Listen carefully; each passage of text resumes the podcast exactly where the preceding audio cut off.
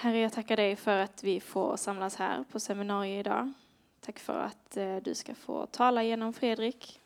Jag ber att det han säger som kommer från dig ska få landa på våra hjärtan och eh, att vi ska få eh, många tankar i huvudet och fundera på och reflektera över. Jag ber att du ska tala till oss var och en just där vi är. Kom och möt oss och ge oss lugn och koncentration. I Jesu namn. Amen. Amen.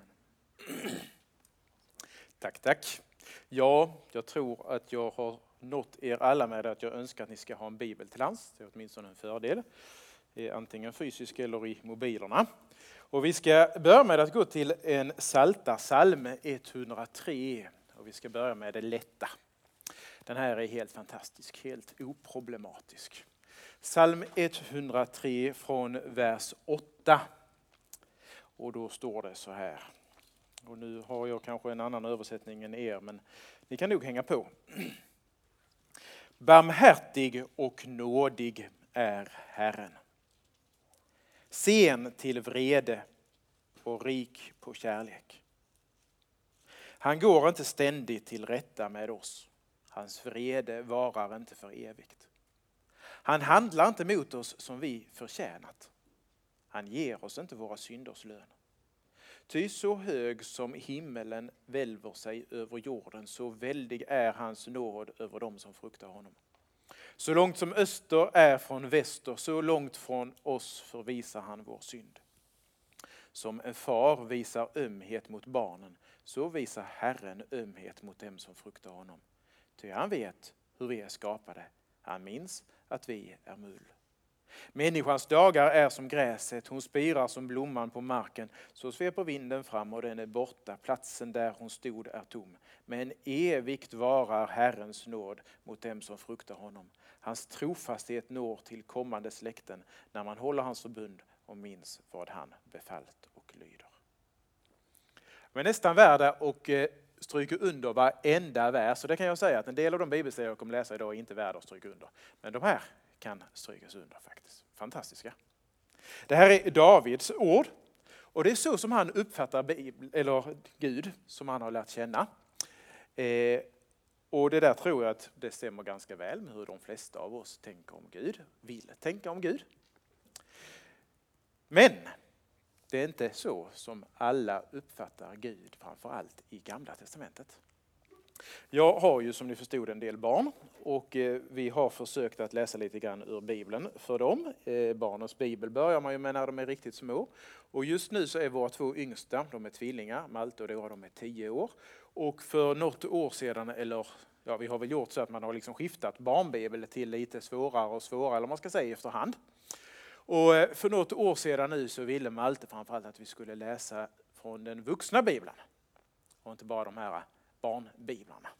Så att jag provade att läsa en del av de vanliga berättelserna där. Och då frågade jag först, vilken berättelse vill du att vi ska lyssna på? Och den första som han ville höra om, det var den här med Elias på Balsberget. Så vi kan slå upp den, första Konungaboken 18 och 40.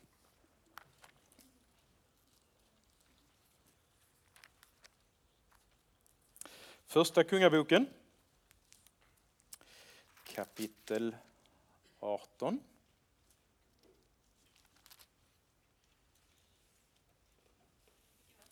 Ja, vi kan hoppa över hela berättelsen för jag tänker att ni är hyfsat bekanta med den. Eh, då är det så att i alla barnbiblar så står det berättat om hur Elia på Balsberget med Guds hjälp får fyr på det här offret, men Baalsprofeterna de misslyckas. Och det blir så tydligt att Herren, Herren, Herren är Gud. Sen slutar berättelserna där. Och läser man det då i den vuxna bibeln, ja då kommer det ju en vers till där. Men Elia sa efter det att då nu de hade konstaterat att det är Herren som är Gud. Grip Baals profeter, låt ingen enda komma undan. Och när profeterna hade gripits lät Elia föra dem ner i Kidons bäcken och avliva dem där.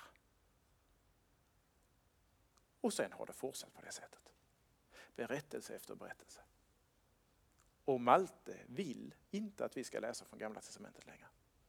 Så när vi har aftonbön med honom så är det liksom den första frågan han ofta ställer. Du ska väl inte läsa från Gamla Testamentet pappa? För då blir han rädd. Han är en otroligt känslig kille så att han tål liksom inte någonting som är hemskt. Och det är ju mycket av det i Gamla Testamentet. Och jag vet inte om ni kan känna igen det där, alltså skiftet ifrån den här barnbibeln, där plockas ju fram egentligen ett urval av berättelser och det är alltid de gulliga berättelserna som kommer fram. Och till och med de berättelser som är gulliga när man läser den riktiga bibeln, så ibland så märker man att de är inte så gulliga i den riktiga bibeln som de är i barnbibeln. Och när andra än de som liksom uppfostrat kristna läser Gamla Testamentet så kan de ibland häpna.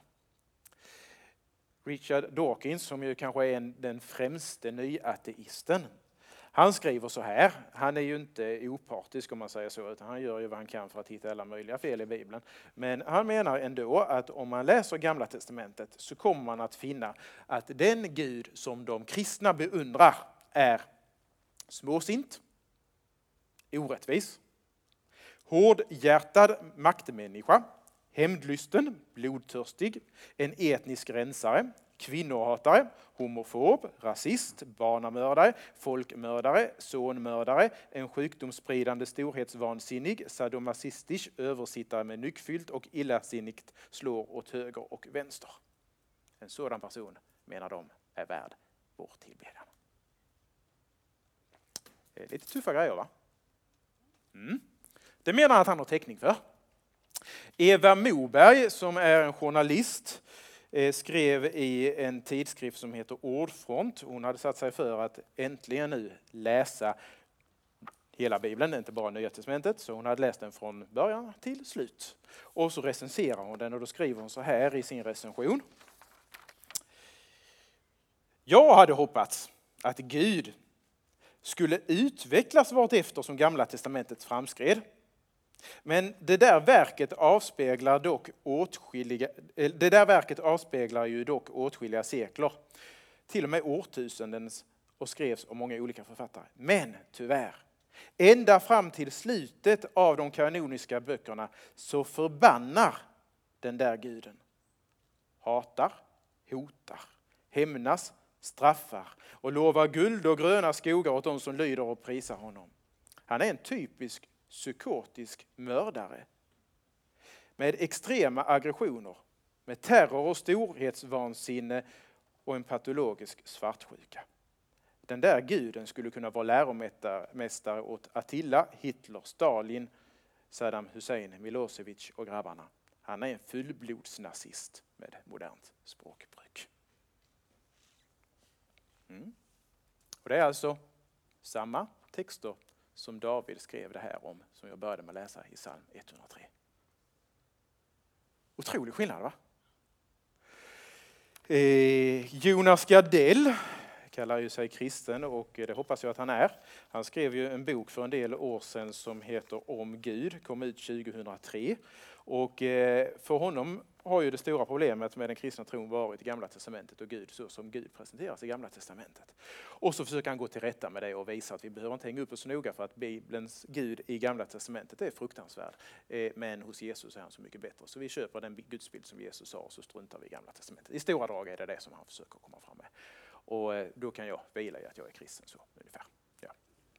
Så här har vi ett bekymmer. va? Läser vi Gamla Testamentet så tycks det som att det är något annat än den Gud som kommer fram i Nya Testamentet. Hur kan vi få ihop det här? Ja, då ska jag lyfta fram några av de sakerna, då, några av de bibeltexter som för dem är ett bekymmer som man brukar hänga upp sig på. Eh, eller åtminstone några av de fenomen. En grej som man då hänger upp sig på är ju detta att Gud tycks kriga och dräpa genom Israels folk. Så dräper han och krigar mot andra folk. Och det är inte så att Gud bara liksom ber dem, okej okay, nu är ni i ett krig här, eh, se till att vinna det. Utan Gud till och med ibland säger, se till att förinta dem. Så inte bara vinn kriget, försvara er kanske. Utan han går längre än så. Och vi kan slå upp något bibelställe så att ni inte tror att jag hittat på detta. Eh, kan börja med Andra Moseboks 14 kapitel. Det är ett nedbrytande bibelstudie idag.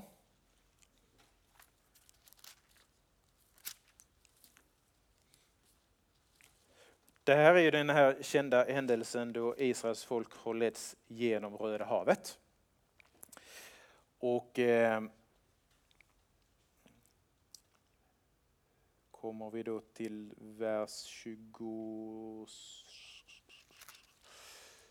Det här, jaha, jag är i tredje Moseboken, det är det som gör att det inte riktigt stämmer för mig här.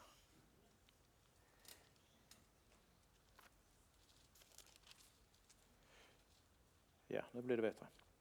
Vers 26.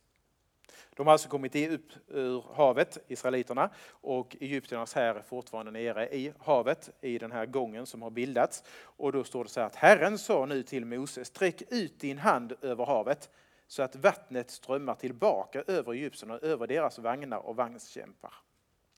Och Mose sträckte ut sin hand över havet och i gryningen vände vattnet tillbaka och egyptierna flydde och kom, vattnet kom rakt emot dem. Och Herren störtade dem ut i havet. Så det går ju inte att komma undan. Det verkar som att Gud ville detta faktiskt. Eller hur? Eh, vi kan ta ett bibelställe till och för att ni inte ska behöva bläddra så långt så går vi bara fram ett par kapitel till det sjuttonde kapitlet. Där har vi det här tillfället då Mose och Josua får hjälp att hålla upp sina händer i bön medan israeliterna de strider mot amalekiterna. Och då kan vi titta på vers eh, ja.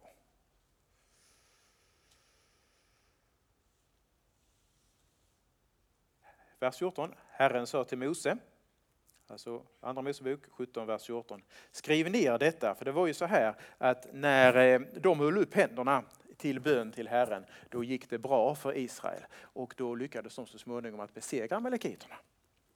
Så det var ju Herren som låg bakom detta här. Va? Herren sa till Mose, skriv ner detta så att det blir ihågkommet och läs det för Josua, ty jag skall utplåna minnet av amalekiterna från jorden. Så Gud låg alltså bakom att det här folket utplånades. Och så här kan vi nu fortsätta och ta det ena exemplet efter det andra. Så det tycks som att Gud vill att hans folk inte bara ska vinna och besegra utan till och med dräpa andra folk. Och då samtidigt så har han gett sitt eget folk ett femte bud där det står ni skall inte dräpa. Och så själv beter han sig precis tvärtom. Han är otroligt lynnig. Hur kan man lita på en sån typ? Som säger till folk att så ska ni inte göra och själv gör han inte annat än detta. Och sen är det så då, hänger man upp sig på att Israels folk då måste ju följa en mängd småaktiga lagar. Är det inte en rätt löjlig Gud som har för sig att du får inte äta det och du får inte äta det. Griskött får du inte ha för dig. Och på sabbaten då ska du göra det och det men du får inte göra det. Och eh, du får inte gifta dig med folk från andra med människor från andra folk och liknande saker. Va? Och samtidigt, om du gör det, så är det inga milda grejer som händer. För att ni nu ska, det här, nu är vi inne på de värsta grejerna, som, så det blir liksom inte värre sen. Tredje Mosebok 24.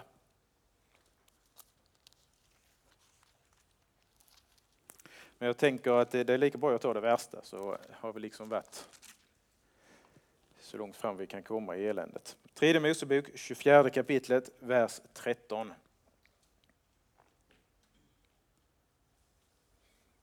Mm -hmm.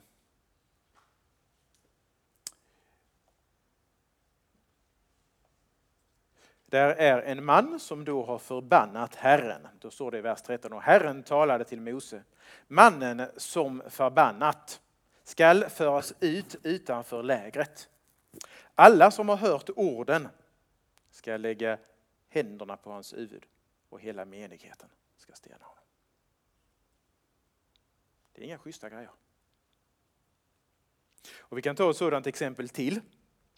Det var ju alltså ett brott emot eh, andra budet.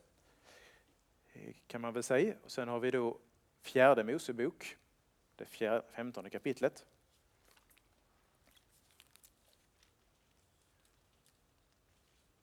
Här har vi en som har brutit sabbaten. Alltså gjort vad han inte fick på lördagen, sabbaten som det var. Och då står det så här, vers 35. Herren sa till Mose, mannen skall straffas med döden. Hela menigheten skall stena honom utanför lägret och menigheten förde ut honom utanför lägret och stenade honom till döds så som Herren hade befallt Mose. Mm. Sen är det ju så att eh, Gud är inte bara elak mot enskilda i sitt folk eller emot andra folk, utan vi hittar ju också texter, särskilt hos profeterna och längre fram i Gamla Testamentet, om hur hela folket straffas om det inte håller sig till Herren. Till exempel så är det ju så att de tio stammarna i Nordriket, enligt profeterna, straffas för sin ogudaktighet och försvinner ifrån historien. Och vi har ju det också hos de två stammarna som var kvar i Sydriket, Judarike, de eh, på grund av sin ogudaktighet får ju ett straff över sig och blir fångar och förs bort till Babylon och är där i 70 år.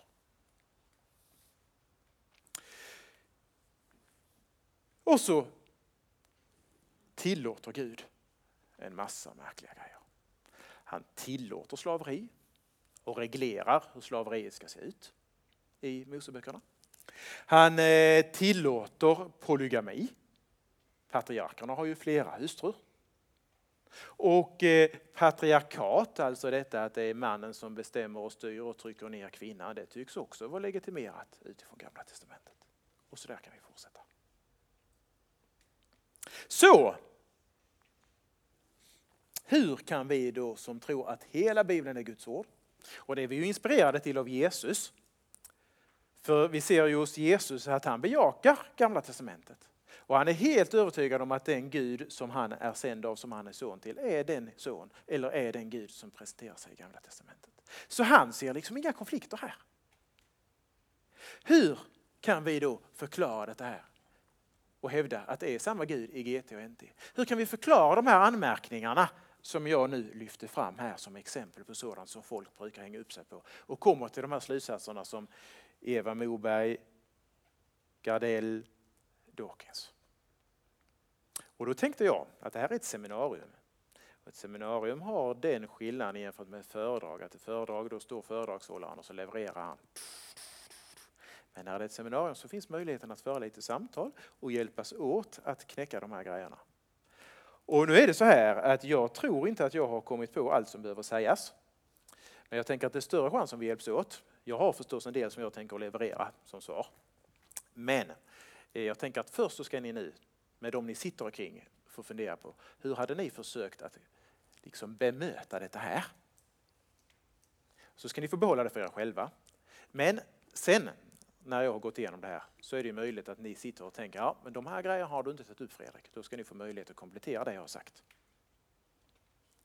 Så eh, prata med varandra i några minuter och fundera kring de här sakerna. Jag kan ju möjligen ha fram detta här igen. Hur ska vi liksom bemöta detta? Vad ska vi säga som tror att detta är samma Gud? Och att också Gamla Testamentets Gud är god. Ni får alltså möjlighet att eh, komma med kompletteringar sen så småningom. Jag kan gärna säga det att jag känner inte själv att jag har nått i mål med det här. Ehm, dels har jag tyckt att det varit svårt att hitta litteratur i det här ämnet. Just nästan inte hittat någonting. Ehm, och då känner man sig alltid lite så här för ens egna tankar. Jag har lärt mig någonstans att du ska aldrig säga den predikan som inte du har hört sägas innan. För då är det förmodligen fel. Utan du ska knycka allt. För att allt finns i kyrkans historia i Bibeln. Så är det så att du liksom kommer på en egen tanke, då är det förmodligen fel. Eh, och det är rätt så bra att ha med sig. Va? Så att allt vi predikanter säger, det knycker vi. Det kan vara bra att veta. Vi är aldrig duktiga, utan vi lånar från andra. Så. Eh, sen är det så att Eh, Eh, jag har förstås hittat en del artiklar och sådär men jag har liksom inte riktigt hittat något som gått på djupet med det här tycker jag. Eh, så att jag har funderat en del själv och pratat med en del och så. Så att här finns säkert mycket mer att säga. Eh, och nu ska jag börja med några, nu kommer jag att blanda små svar och stora svar så att säga. Va? En del förklarar bara något litet grann och annat är lite större perspektiv som kan hjälpa oss att förstå helheten här. Först då. Alla grymheter som vi hittar i Gamla Testamentet är ju faktiskt inte befallda av Gud, av Herren. Till exempel det här med att Elias dräpte Baals profeterna, Det står ju inte uttryckligen att han skulle göra detta, att Gud ville det. Utan det skulle kunna vara så att han bara fortsätter att göra det i ren segeryra så att säga. Va? Och så är ju Bibeln sådan att den beskriver också de dumma saker som vi människor gör. Också de som är Herrens profeter och lärjungar och så vidare. Va? Så att det måste ju inte vara så att allt som görs i Gamla Testamentet som är ont och dumt faktiskt är sanktionerat av Herren. Va? Så det är en sak som man kan ha med, men det förklarar ju långt ifrån alla de ställena som jag läste. Det såg vi. Men det kan dra ner mängden svåra ställen rätt så rejält. Nästa grej jag tänker på, det är ju det här att femte budet, det här med att du inte ska dräpa, det var ju riktat till var och en i det civila livet som privatpersoner. Eh, till exempel kan vi ta ett parallell sak, det är ju enligt både tio Guds bud och enligt svensk lag förbjudet att, eh, ja inte enligt tio Guds bud kanske, det står väl inte där va? Nej. Men det är i alla fall förbjudet enligt svensk lag att ta någon och låsa in dem bakom en dörr och sätta dem där bakom lås och bunk. Det är kidnappning. Men om samhället gör samma sak för att den har gjort ett brott, då kallas det för fängelse och helt okej. Okay, så att därför så är det ju olika vad man får göra på det privata planet och vad som är okej okay att göra för samhället. Va? Och samhället får lov att straffa det som enskilda har gjort dumt. Men jag får inte som enskild slå någon på käften. Så att det budet framförallt gäller ju på det civila planet för samhället. Så därför kan man inte egentligen ta det som intäkt för att vi inte får lov att ha dödsstraff till exempel. Nu tror jag inte att Gud menar att vi ska ha dödsstraff nu heller, men just detta bibelordet kan inte användas för just det. Så det är liksom ett felaktigt sätt att använda just det budet. Ja, också bara en sån här liten smågrej som inte hjälper så mycket. Eh, nästa grej som man skulle kunna hävda det är ju att det finns dödsstraff, jag tror det är för 13 olika förseelser i Gamla Testamentet så föreskriver Gud det under Gamla Testamentets tid.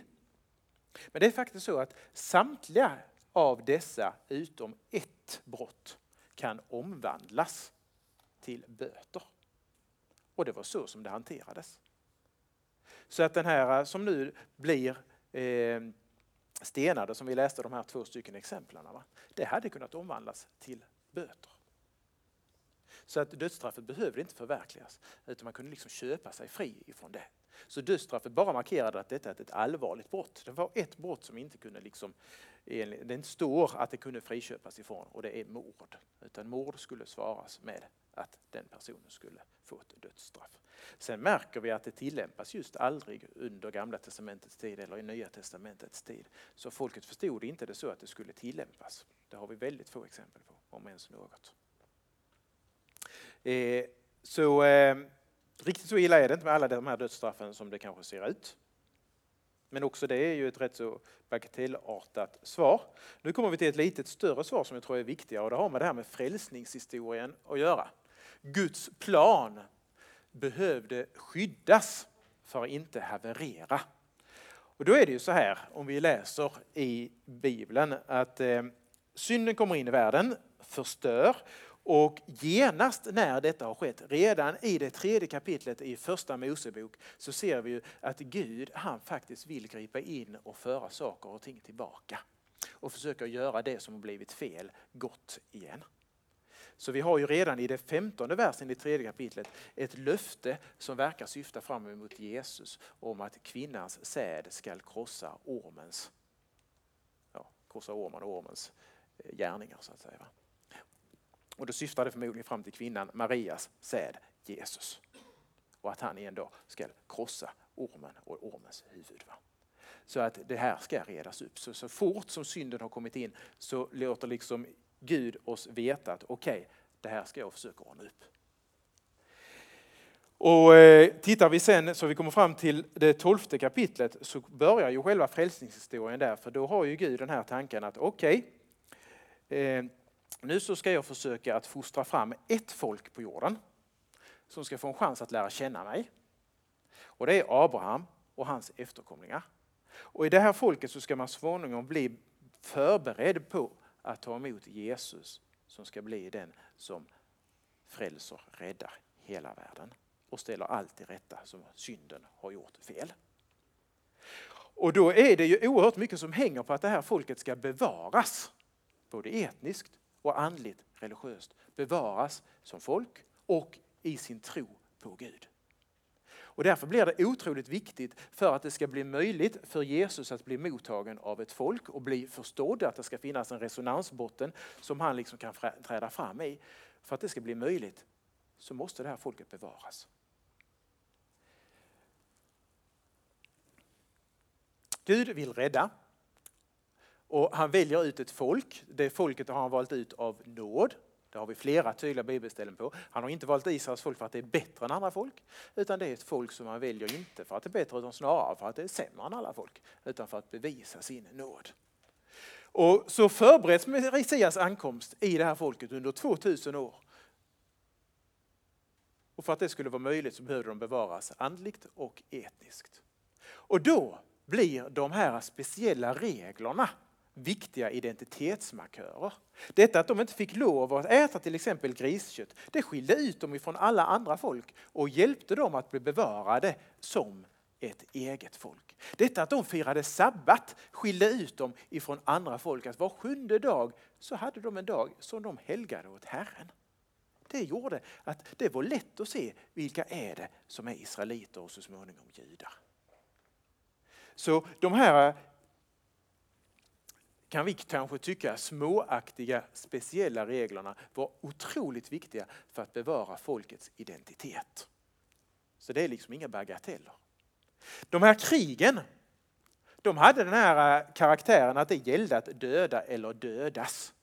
Och så var det när man hade krig på den tiden. Att den som segrade fortsatte tills man liksom hade i princip utrotat de andra. Och det kan man ju tänka rent trickstekniskt så var det ju så ofta att man ställde upp sig på två stycken led ungefär. Va?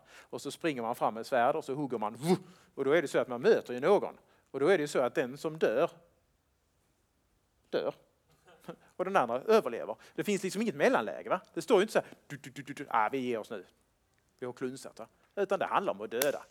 Eller dödas.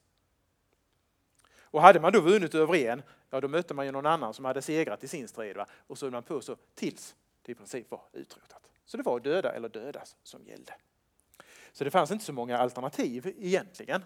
Och eh, jag tror att de här eh, krigen som vi har till stor del i Gamla Testamentet, vi kan tänka kring det, att det är heliga krig, en kamp mellan ont och gott, inte bara mellan ett folk och ett annat folk. Eh, och tänker ni er tillbaka på de här eh, Sagan om ringen-filmerna, har ni nog sett, de flesta av er, så är det ju ganska tydligt för oss när vi tittar på det vad som är gott och vad som är ont. Och tittar man bara liksom bryter ut en, en enda strid där så är det ju helt fruktansvärda kamper och scener som utspelas. Men när vi ser på dem och ser dem i sitt sammanhang så tycker vi inte att de är så fruktansvärt hemska det som den goda sidan gör. För vi vet ju att detta är insatt i en oerhörd kamp. Och det gäller för den goda sidan att segra till vilket pris som helst. Så då accepterar vi det, liksom, för vi har helhetsbilden klar för oss. Men hade man brutit ut och bara läst eller liksom bara sett en liten femminutrare, då hade man kunnat tycka att detta är helt fruktansvärt. Man skulle kunna till och med tycka att den goda sidan är den onda. Va? Men när man har hela perspektivet klart för sig och ser att detta är ett heligt krig, ja då reagerar vi inte på samma sätt. Utan vi sitter till och med och hejar på de här grejerna va? och hoppas att det ska gå vägen. så att säga. Och blir glada när de besegrar och så här vidare. Och det är lite grann det perspektivet som vi behöver ha också på det som sker i Gamla Testamentet. Att detta är verkligen en kamp mellan gott och ont. Det är Guds frälsningsplan, Guds frälsningshistoria som står på spel. Och för att Jesus ska kunna komma till ett folk som har blivit förberett så måste de bevaras. Och då var det ibland så att det gällde döda eller dödas. Det räckte inte bara så att säga att vinna ett krig över en gräns eller någonting sånt.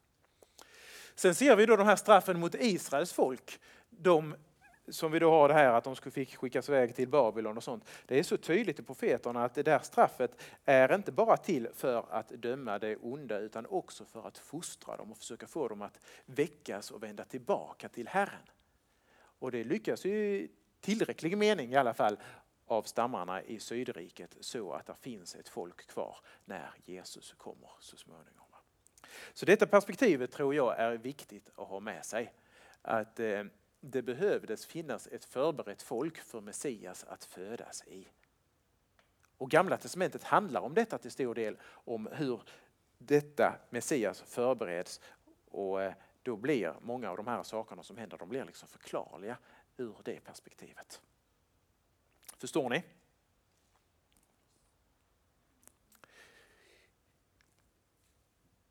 De här grejerna då, slaveri, polygami, patriarkat, hur ska man tänka kring det? Ja, alltså jag tror man kan säga så här att Gud han påbörjar sitt räddningsverk i en primitiv kultur. Han avslöjar inte direkt allt han tycker och tänker, utan det växer liksom fram efterhand. Det som Abraham vet om Herren, det är ganska lite jämfört med när vi kommer fram till de sena profeterna. De har fått veta mycket mer. Hade Gud presenterat allting på en gång, ja, då vet jag inte hur det hade gått. Va? Utan han är liksom vis. Han tar det steg för steg så flyttar han fram positionerna och visar vad som är hans tanke.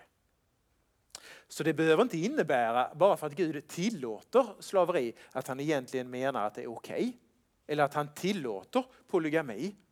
Och vi har ju den situationen faktiskt också i missionsländer där kristen tro vinner mark in i muslimska länder till exempel eller andra kulturer. Så kan det ju vara så att en man har fyra hustrur och så blir han kristen.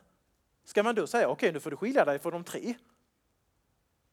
Ja, det kan man inte riktigt göra utan då brukar det vara det först nästa generation som man får ta det med så att säga okej okay, nu är det så att, du ska ha en hustru. Och så får man liksom gå fram steg för steg. Va? Och lite grann den tendensen har vi också i Gamla Testamentet. Och Jesus är inne på det också, vid det tillfället så får han ju frågan om det här med skilsmässa. Mose tillät ju det, hur ska vi då göra med det? Ja, då verkar det som att Jesus menar att ja, det tyckte Gud var rätt då. Han tycker inte det nu. För nu har ni fått veta mer. Alltså uppenbarelsen har utökats efterhand. Så förändring tar tid.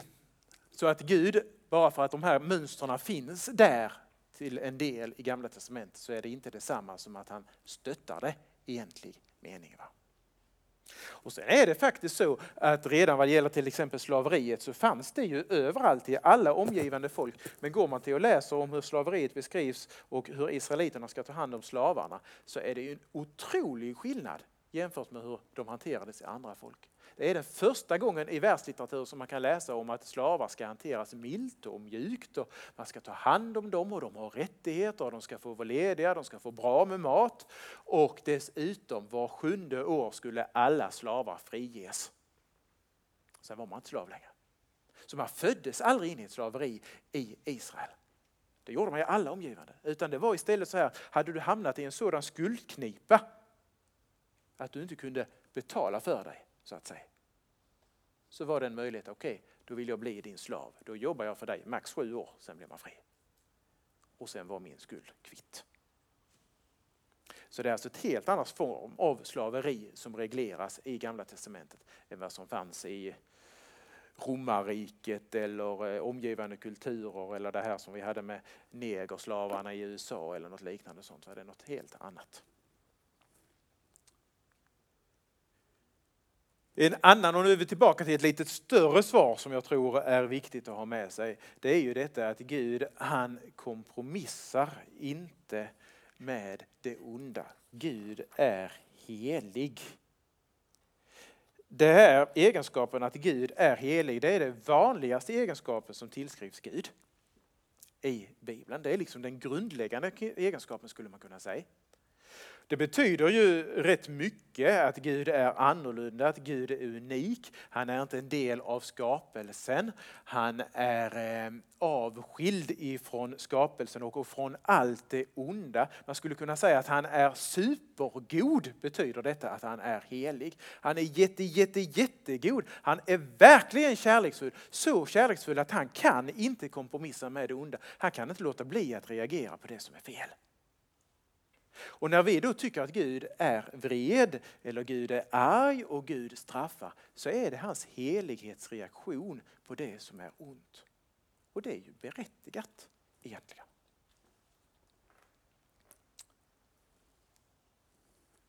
Guds våldsamma reaktioner är ett utslag av hans godhet. Inte av hans ondska. Så Guds helighet det beskrivs ofta som ett problem. Det är ju inte ett problem. Det är människornas synd som är problemet. Guds helighet, enligt både gamla och nya testamentet, bör ju istället väcka vår förundran och tillbedjan. Det är någon grundläggande sak när vi tittar i Uppenbarelseboken. Vad är det som det sjungs för lovsånger i himlen? Så är det ju detta att helig, helig, helig Herren Sebaot. Och samma sak är det som lyfts fram när Jesaja står inför den himmelska tronen. Det som borde förvåna är egentligen Guds nåd. Inte att han straffar. För egentligen borde ju det vara Guds, det är egentligen det som vi alla och allt här i världen till stor del förtjänar. Så är det Guds reaktion på det som är ont. Så vi skulle behöva vara mycket mer vana vid det så att säga.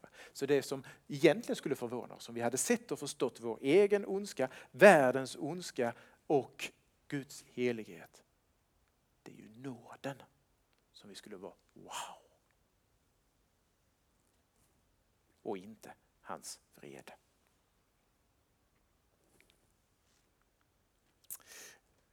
Besläktat med detta är det ju i gamla biblar så stod det att Gud är en nitälskande Gud. I nya biblar så står det väl snarare att Gud är svartsjuk, åtminstone står det så i Bibel 2000. Det kan ju tyckas lite mm, negativt men eh, ska man försöka förstå det här rätt så är det väl snarare detta att eh, Gud ah, alltså, eh, jag skulle också kunna vara svartsjuk på till exempel min fru. Va? Alltså, henne älskar jag och jag har gett mitt liv åt henne skulle man kunna säga på ett sätt. Hon har gjort detsamma till mig. Och eh, då vill ju inte jag att hon ska ha lite andra män i sitt liv. Och skulle jag märka att det är så att hon håller på att vänsterprassla så säger jag ju inte ja, nice, du har det nog trevligt. Bara du och också har det gött. Så. Utan jag vill ju att hon ska bara vara min. Jag är ju liksom svart, jag, eh, på något vis jag vill ha allt från henne om jag säger så. Va? Eh, så på något vis så är det ju detta att Gud han tar verkligen vår kärlek på allvar. Han fäster vid, vikt vid att vi älskar honom. Det spelar inte kvitta för honom utan det är otroligt viktigt. Han har liksom gjort så mycket för dig. Han har skapat dig, han har köpt dig fri och han vill hjälpa dig att växa och mogna som människa in i Helgesson hela vägen in i himlen. Då spelar det roll för honom att han får din kärlek tillbaka. Och när vi inte älskar honom och vi gör dumma saker, ja då har han egentligen rätt att reagera på det. På samma sätt som jag faktiskt med rättighet kan reagera på och bli sur på om min fru skulle vara otrogen.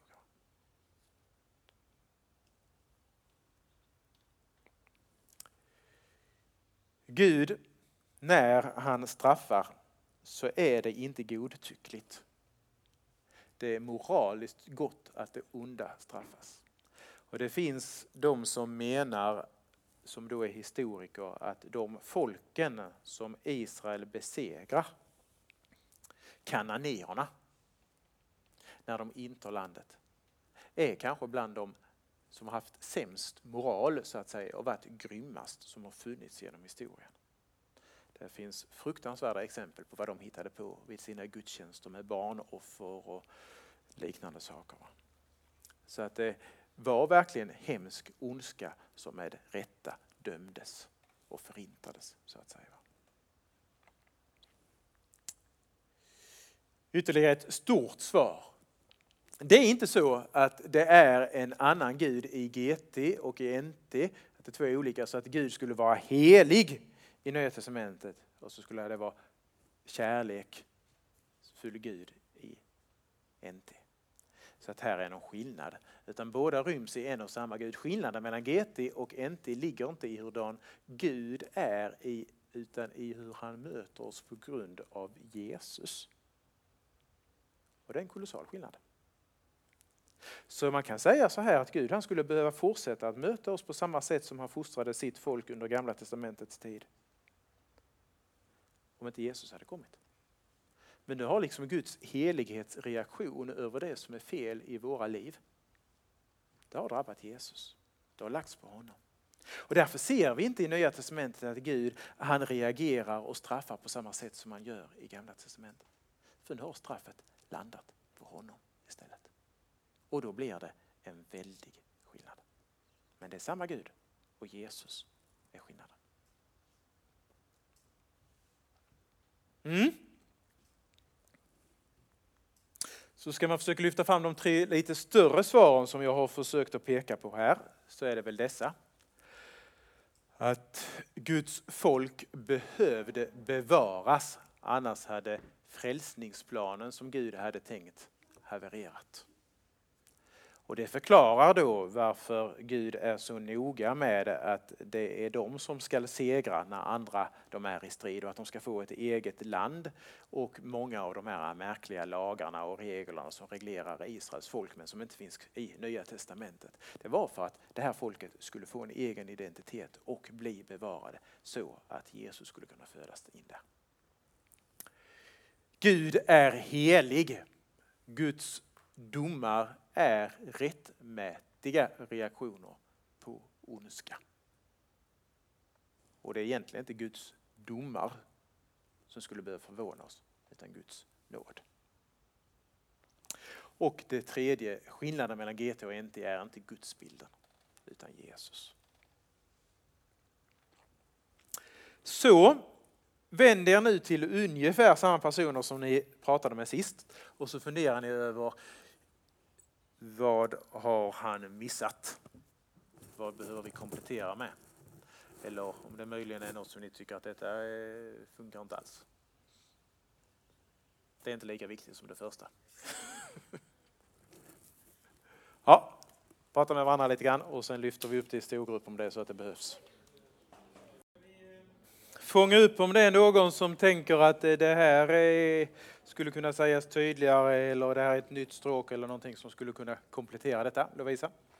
Det du sa om eh, polygami, att Gud accepterade det först men sen under ja, lite senare så accepterade inte han det längre. Borde det inte finnas grejer som var okej vid typ NT som inte är okej längre nu? Eftersom det var ett tag sedan alltså Bibeln skrevs. Ja, skulle man ju kunna tänka, eh, men eh, då får man fundera kring vad det i Nya Testamentet som föreskrivs där är, liksom verkar vara en evig sanning och vad är bundet av sin kultur. Och så finns det ju i Nya Testamentet eh, till exempel kvinnors hårlängd och sådana här grejer. är ganska tydligt att det är knutet till kulturen och liksom inte är någonting som är givet. Så att absolut, det finns det säkert. Mm.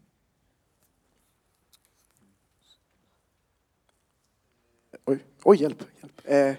Eh, dels tänkte jag först på en liten problematisering. Typ. Eh, Den vill jag inte ha. Nej, men jag säger det ändå. Alltså eh, bara att eh, frågan som ju väcks, alltså man, man, kan på någorlunda kanske förklara vissa av exemplen, liksom så.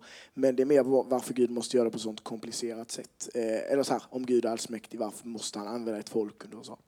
Eh, det är väl det som egentligen är kanske är frågan. Men några grejer jag också tänkte på var att i gammalt, eller det är skillnad på gamla och nya förbundet också. Alltså nya förbundet är ju på något sätt, eh, alltså nya testamentet, det är ju Guds fulla vilja med mänskligheten, mycket mer. Det står ju till och med i Bibeln att gamla förbundet inte är fullständigt. Och det tänker jag kan vara lite svar på det som Lovisa tänkte på att alltså gamla testamentet, många av deras lagar var ju, som de här som vi hade exempel på, matlagarna, var ju av en anledning just då. Men Nya testamentets eh, lagar är ju mer eh, universella för då visar Gud sin fulla vilja. Liksom. Mycket mer. Sen var det två grejer jag tänkte på som hör ihop lite med detta. Eh, att jag hörde, det var Stefan Gustafsson, en snubbe som snackade om detta. Och han var inne på första punkten där att, att Gud utrotar ju vissa folk. Men samtidigt står det, om det är i Uppenbarelseboken, att vid himlen ska det finnas människor från alla folk och stammar som ska sjunga lovsång. Liksom. Och han menade då att när Gud utrotade kanske vissa folk för att kunna frälsa dem. Eh, på så vis att när han utrotade dem så kunde Israels folk bestå, Jesus kunde komma, dö för även deras synder. Och sen hur Gud löser det med tid och rum och hit och dit, det vet inte vi. Men det verkar ändå som att alltså han gör det för att frälsningsplanen ska kunna gå igenom. Och att liksom, eh, ja, eh, även de kanske på något sätt fick en möjlighet till frälsning genom det. Även om det ja, kan vara har andra problem. Men det liksom ändå, ja. Vi vet ju att Gud är rättvis. Mm. Och det kommer ingen att kunna anklaga honom för att vara orättvis sen. Så att mm. på något sätt är ju det löst. Antingen så var det en rättmätig dom just då över att de var så hemskt onda. Eller så har Gud löst det på något annat sätt, på ett längre perspektiv. Mm. Eh, vänta, det var en grej till jag tänkte på, eh, men jag kan ta det sen. Ja. Mm.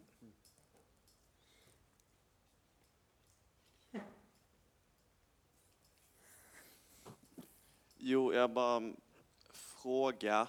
Eh, du pratar om hur, eh, ja, till, exempel, till exempel slaveri tillåtes under Mose lagar och så. Men samtidigt så är Gud helig och tål inte ondska. Är inte det motsägelsefullt? Jo, det är det väl. Samtidigt skulle Gud uppenbara sin fullhet och sin helhet här och nu så hade det varit så Gud måste någonstans hela tiden hålla tillbaka lite grann av vem han är för att vi ska kunna bestå. Eh, och, eh, jag tror ändå att det ligger någonting i detta att han var tvungen liksom att successivt flytta fram positionerna. Eh, och så upplever jag att det är också i förhållande till människor som blir nya i tron. Va? Att eh, man kan liksom inte komma med allt på en gång utan man får komma med lite vishet. Och man får, ofta är det så att de börjar att kroka i sådana saker som att åh, okej, okay, jag är värdefull. Wow, wow. Okay. De är egentligen inte kristna bara för att de tror och upptäckte att Gud tycker att jag är värdefull. Va? Utan efterhand så kommer ju nya sanningar till dem som kan vara jobbiga att ta till sig. Va? Men som gör att de upptäcker mer och mer av vem Gud är och vem jag är. Och så förs de närmare och närmare Gud. Och jag tror att det är lite grann samma sak om Gud ska få oss att lära, mänskligheten ska lära känna honom så får han successivt uppenbara mer och mer av sig själv. Mm.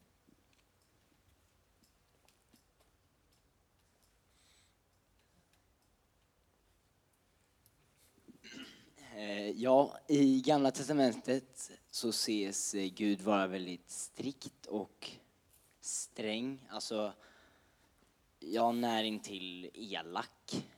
Men ja, ja, och det var då innan Jesus kom eh, som han gjorde i Nya Testamentet då allting blev helt plötsligt gott och då skulle det kunna vara så att eh, Gud att, att Gud skulle ge oss en bild att, eh, för att visa oss att vi verkligen ska vara tacksamma för den nåden. Alltså, lite svårt att förklara, men eh, att vi blir mer tacksamma för nåden och Jesus när vi vet hur det skulle varit utan. Alltså Guds helhet behövdes som bakgrund för att Jesus skulle kunna tas emot och bli viktig, det är helt säkert. Så det ligger en del av det som Gud behövde uppenbart tydligt genom Gamla Testamentet. Det är helt sant.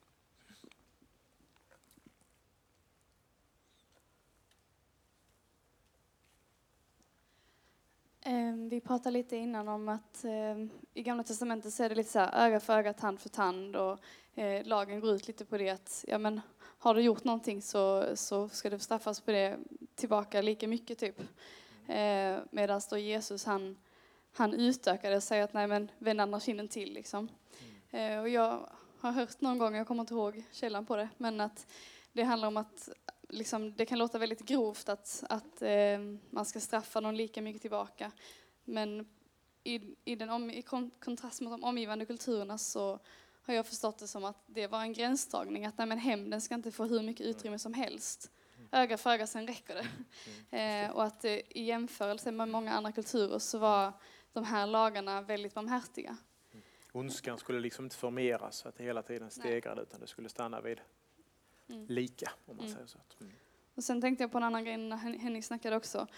Att vi har kanske ofta en, ett väldigt mänskligt perspektiv på typ med att straffas till döden och i, i vår tid så har vi liksom tanken, tror jag, väldigt eh, sekulärt att ja men vid döden då är det ju slut liksom. Fy vad mm. grymt att någon dödar någon annan, det är ju liksom Gud dödar dem och då är det slutet. Men mm. i det kristna perspektivet så är ju inte heller döden slutet. Och Gud som är den som upprätthåller allt liv och alla människoliv på den här jorden släcks också så blir också det här att någon dör tidigare än någon annan lite, lite mindre eh, liksom, kontroversiellt eller vad man ska säga. Det är inte lika starkt att Gud släcker ett liv tidigare än ett annat som att en annan människa tar en annan människas liv. För att det är Gud som upprätthåller allt liv och släcker alla liv också eh, ändå. Eh, men vid olika tidpunkter. Eh, ja. ja en, kan, en sak jag tänkte på, du har varit inne på det en del, men som eh, det är att Gud behöver vara pedagogisk för att visa sin vilja, eh, tänker jag. För det man kan tycka, man kan förstå att Gud är helig och därför vill reagera mot all ondska. Men han reagerar inte mot all ondska. Utan en del saker kan man tycka låter han gå. Någon som härdar blir stenad, men någon annan som härdar, om jag gör det nu, kommer jag inte bli det. Så att säga. Vi har exemplet från Apostlagärningarna, till exempel med Ananias och Safira som, som ljuger för församlingen och då faller de döda ner. Och då kan man säga, men var det så mycket värre det de gjorde än det vi gör till exempel? Eh, och då menar jag, kan man inte tänka att Gud på något sätt i Bibeln måste visa tydligt för oss vad syndens egentliga liksom, konsekvens är. Eh, sen, sen, alltså det finns en pedagogik i det på något sätt, att nu fattar vi, det, det borde egentligen drabba oss alla. Men nu gör det inte det. Eh, och att Gud i Gamla Testamentet rätt så mycket behöver markera och visa det här är fel och det här är fel eh, och det här är värt eh, döden till exempel. Inte för att just de personerna gjorde det så mycket värre än någon annan, men därför att Gud på dem av någon anledning ville visa eh, vad som egentligen gäller för oss alla. För den här historien med Ananias och Safira är rätt så, där bekräftar Gud på något sätt att han är densamme också in i det nya förbundet. Eh, och då tänker jag att det, jag har väldigt svårt att förklara den på något annat sätt än att Gud vill vara pedagogisk. Mm. För annars borde vi falla ner döda rätt så många av oss rätt så mm. ofta. Mm. Bra. En viktig tanke som och påminnes mig av lite grann av er här är ju detta att vi är ju människor Gud är Gud. Så när vi försöker förstå Gud så gör vi det alltid utifrån ett mänskligt perspektiv och det är ju oerhört begränsat. Så att eh, det blir ju väldigt futtigt för oss här att försöka sitta och förstå och greppa hur Gud tänker. Eh, så att vi kan knappast förvänta oss att vi kommer i mål fullständigt med att begripa Gud. Eh, det skulle någonstans vara ett bevis på att Gud var en mänsklig produkt och tanke. Utan vi får nog finna oss lite grann i detta att det här kommer att vara mycket som vi inte greppar. För vi är så mycket mindre och har så mycket mindre perspektiv än vad han har. Ja, någon mer ytterligare tanke som bör lyftas innan vi bryter upp? Mm. Du sa att vi skulle kanske fokusera mer på Guds nåd än på eh, Guds eh, dom eller att, att vi kanske skulle vara mer fascinerade över nåden än vad vi är i GT. Men hur går... Eh, han är ganska inkonsekvens med vem han ger nåd och inte nåd i GT, tänker jag. Hur, hur går det ihop med en rättvi, alltså ett rättvis perspektiv? Förstår du? Mm, jag är inte riktigt säker på jag förstår hur du menar, men... Jag tänker nu efter efter Jesus mm. så blir det rättvist på det sättet att Jesus tar allting på sig. Allting, jag, allting fel jag har gjort, det tar Jesus på sig om jag tar emot Jesus. Mm. Och då blir det ju att alla som inte tar emot Jesus, de får sitt straff och alla som tar emot Jesus så tar Jesus straffet. Mm. Eh, men i GT så fick vissa, vissa bli stenade för en sak medan andra för, för samma eh, överträdelse fick de nåd av Gud och blev inte stenade. Hur, den rättvisan finns ju inte där på samma sätt. Nej, det kan man nog säga på ett sätt. Vi vet att Gud är rättvis, på något sätt så finns den. Men eh, det är kanske lite svårare för oss att se det. Eh, sen tror jag att Jesus gäller så att säga tillbaka också. Så han är ju frälsaren även för de som finns före honom så att säga.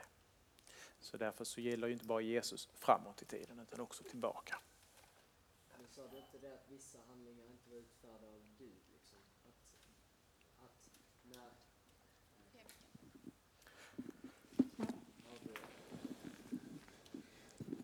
Jag tänkte på det med att du sa att vissa handlingar var inte utfärdade av Gud.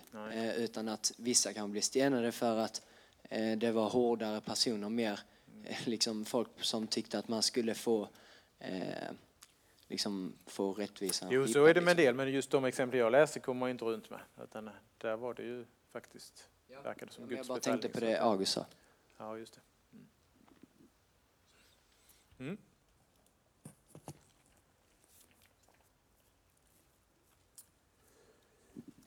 Vi har varit inne på det lite, men det vill bara ändå... Ja. För jag, jag, det är också, ja, jag har också tänkt på det just med Guds rättvisa där. Men jag tror där det är ett sätt att man får tänka är väl lite också då återigen på Guds, liksom, att han är bortom tid och rum och även bortom våra liv. Och det är så jag lite tänker också med Alltså när Gud tar någon, alltså om jag, vi kan inte jämföra min moral med Guds moral. Alltså Gud- budorden gäller inte på Gud på samma sätt som det gäller på mig. För jag har inte samma möjligheter som Gud. Alltså om jag dödar Karl så kan inte jag gottgöra honom för det. Då slutar liksom vår relation och jag har gjort, jag kan inte liksom, eller vad säger, men om Gud som gav livet till Karl, då är den som gav livet, han är den som äger Karls liv, då har han ju också på ett sätt rätt att ta det. Och skulle han ta Karls liv så har han också möjlighet att gottgöra det liksom, i ett större perspektiv. Eh, Så jag tänker att, eh, det var- kan inte svara på den frågan, men det är bara allmänt att Gud har liksom andra möjligheter än oss. Att i det stora hela, liksom, i evighetsperspektivet, vara rättvis mot alla människor. Eh, liksom. ehm. Ja, det. Och så tänkte jag också på det med, eh, som du sa, med att man, det är nåden vi borde bli förvånade över, inte domen. Eh, Stefan Gustafsson då också sa också det att vi lever ju i ett samhälle som är präglat av kristen tro och kristen nåd. Och det är den vi får höra om när vi är små. Vi får höra om nåden, nåden, nåden. Så att för oss är nåden det normala, det är som en rättighet. Och när Gud inte är nådefull, då är han ond. Men i de här kulturerna som levde på den här tiden, då var ju straff det vanliga. Och den kristna nåden var jättesvår för de andra kulturerna att förstå. Eh, liksom, de gjorde narr av den och de, liksom, eh, de fattade inte det här med att Gud är nådig. Så jag tror det, vi är lite präglade av att ha levt också i ett kristet samhälle. Ja, och den skillnaden tror jag gäller bara under mitt liv. Kan jag nästan se det. Alltså att idag är det ju mycket svårare för folk att fatta vrede, gränsdragningar, straff än det var när jag växte upp och ännu mer tidigare generationer. För då straffade ju föräldrarna sina barn om de hade gjort något dumt. Idag gör inga föräldrar det utan de curlar ju. Så gör någon något dumt så ger de dem en kram. Eh, så att eh, det hela synen där har ju förändrats fullständigt. Va? Och skulle föräldrar säga till, ja då är de ju fruktansvärda och hemska och ska sättas inom lås och bom i princip. Så att det har ju skett en jätteskillnad som ni kanske inte fattar, men alltså det har ju skett bara på 50 år så har det liksom svängt om kolossalt i hela vår kultur. Vilket gör att det är ännu svårare för er. Så att idag är det ju så att den stora frågan för oss människor är ju inte hur ska jag finna en